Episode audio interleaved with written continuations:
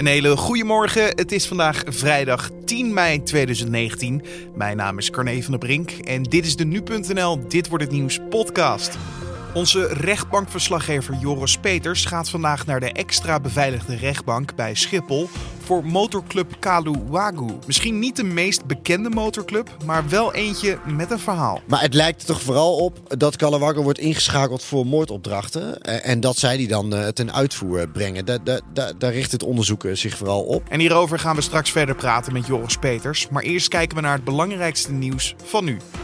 De Italiaanse ambassade in de Venezolaanse hoofdstad Caracas heeft donderdag een tweede politieke tegenstander van de omstreden Venezolaanse president Nicolas Maduro opgenomen. Na politica Mariela Magallanes, die er woensdag aanklopte, zocht donderdag politicus Americo de Grazia zijn toevlucht bij de Italianen. Grazia is een van de zes politici in het Venezolaanse parlement van wie door de wetgevende vergadering zijn politieke immuniteit is afgenomen. Hij is een van de oppositieleden die is aangeklaagd wegens onder meer hoogverraad, omdat hij de koeppoging van oppositieleider Juan Guaido steunde. Het aantal volledig elektrisch aangedreven auto's in Nederland is in het afgelopen jaar verdubbeld. Op 1 januari 2019 ging het om bijna 45.000 voertuigen, tweemaal zoveel als een jaar eerder.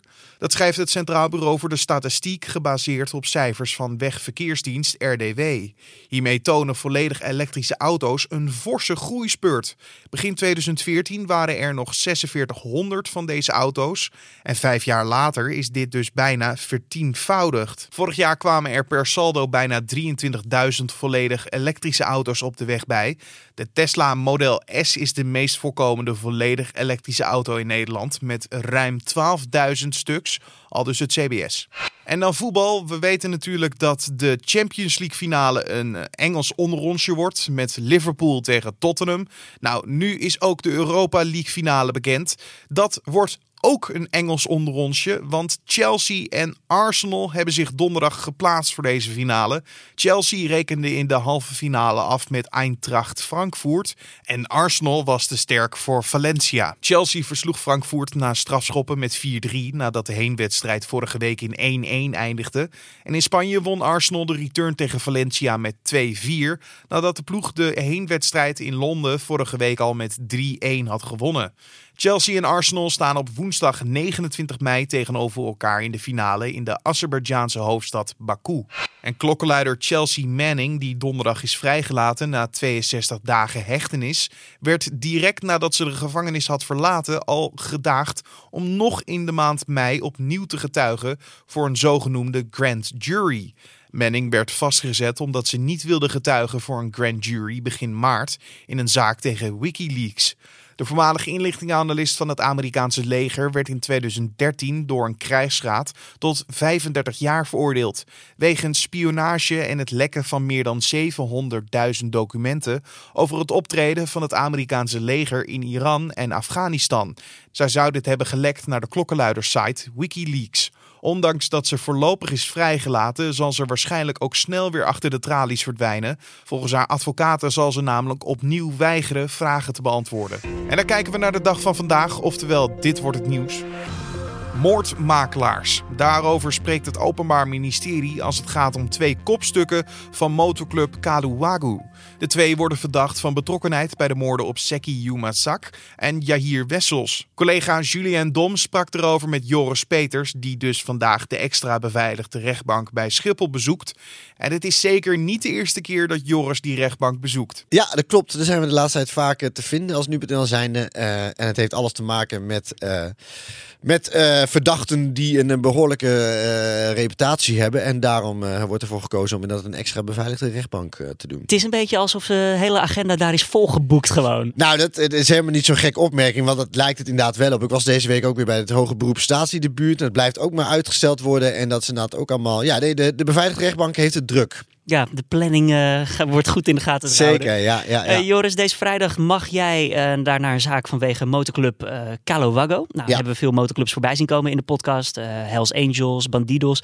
Maar wat is Calowago nou precies? Ja, Calowago is eigenlijk een soort mix van twee motorclubs. Ik geloof dat de Trailer Trash hier in de op zijn gegaan.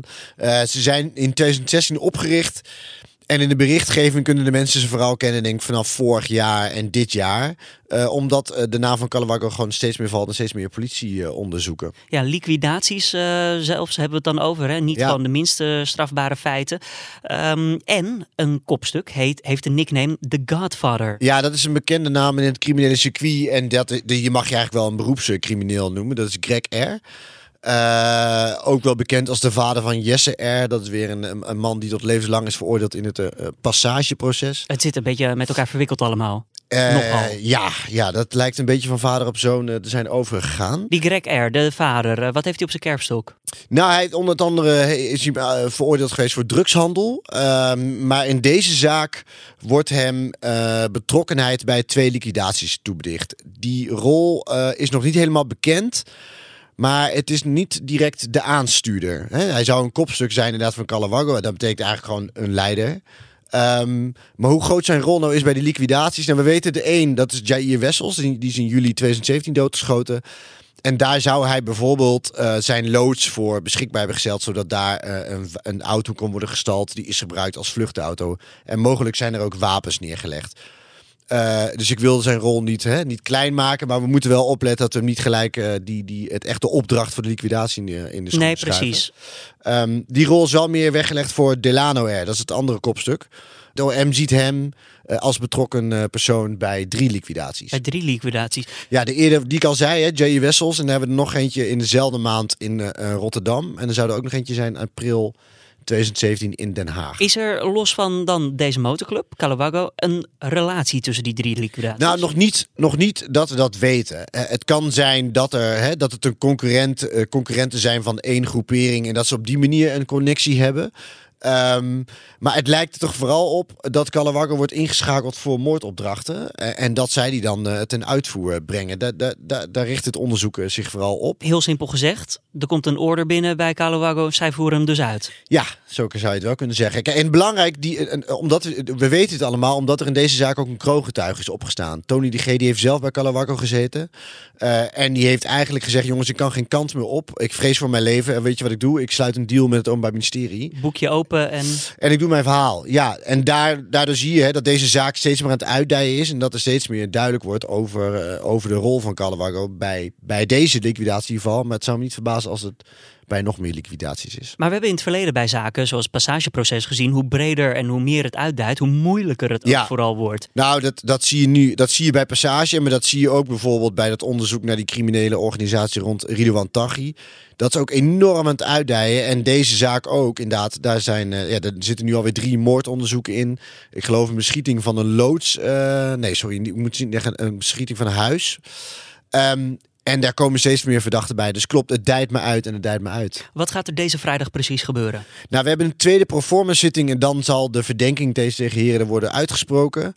Uh, en misschien dat er dan ook wel iets meer wordt gezegd over die onderlinge relatie tussen die drie, drie liquidaties, als die er al is. Nou heeft het OM in het verleden geprobeerd om verschillende motorclubs ook te verbieden. Heeft uh, hier als motorclub nog iets te vrezen? Of gaat dit echt om deze personen? Nou, dat ligt wel in de lijn der verwachting dat ze uiteindelijk ook Calawago gaan aanpakken. je moet een, uh, een dossier opbouwen waarin je aantoont dat Calawago eigenlijk een criminele organisatie is. Uh, die een gevaar vormt voor de openbare orde. Hè. Dat is nu de zaken die nu tegen die andere motorclubs lopen, zijn civiele zaken.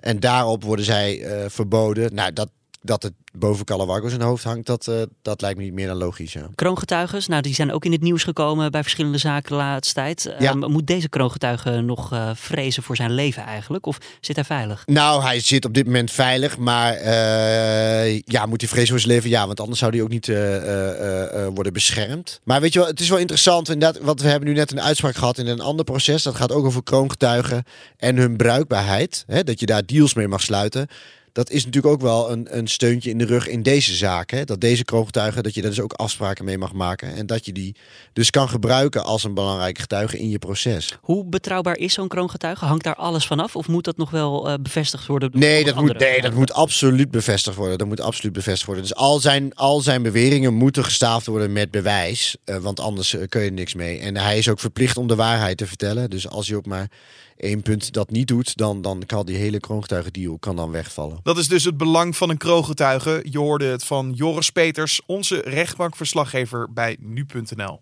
En verder vandaag zal de Chinese vicepremier Li He naar de Verenigde Staten afreizen voor een handelsoverleg. Hij gaat in op een uitnodiging van de Amerikaanse minister van Financiën. Eerder waren er berichten dat het bezoek op losse schroeven zou staan, omdat president Donald Trump nieuwe importheffingen heeft ingesteld. Washington verhoogt vrijdag de importtarieven op sommige producten uit China naar 25 procent. Ook worden er meer artikelen aan de lijst toegevoegd en daarmee wil Trump de druk op China in de slepende handelsoorlog verhogen. En dan nog even het weer. Vandaag start het bewolkt, maar in de loop van de dag breekt vanuit het noordwesten de zon vaker door. In het zuiden blijft het meestal bewolkt met soms ook een spatje regen. Er wordt 12 tot 15 graden. Zaterdag valt opnieuw vooral in het zuiden regen en zondag is het overal droog. En om af te sluiten nog even dit. Gisteren zijn voor heel veel scholieren de centrale examens begonnen. Maar op de eerste dag van het centraal schriftelijk examen heeft het Landelijk Actiecomité Scholieren veel klachten ontvangen over de eerste zes examens die op het programma stonden. In totaal kwamen tot 9 uur ruim 20.000 klachten binnen. Ongeveer de helft van alle klachten ging over het vak wiskunde A voor de HAVO. Het LAX kon donderdagavond niet zeggen of met dit grote aantal klachten een record is gevestigd. Scholieren vonden wiskunde te moeilijk en te lang, zegt Bibi Reiniers, klachtencoördinator van het LAX. Reiniers kon ook niet zeggen of het aantal klachten groter was dan vorig jaar. En de prijs voor de opmerkelijkste klacht gaat naar een scholier die klaagde over het gekrijs van een pauw tijdens zijn examen. En dit was dan de Dit wordt het nieuws podcast voor deze tiende van mei. Je vindt de podcast natuurlijk elke maandag tot en met vrijdag om 6 uur ochtends op de voorpagina van nu.nl. En elke ochtend vers om 6 uur ochtends in je favoriete podcast-app. Heel belangrijk, je kan ons ook helpen deze podcast te verbeteren. Dat kan je doen via een mailtje naar podcast.nu.nl of een recensie achter te laten in iTunes. Mijn naam is Carne van der Brink. Ik wens je een heel fijn weekend en tot maandag.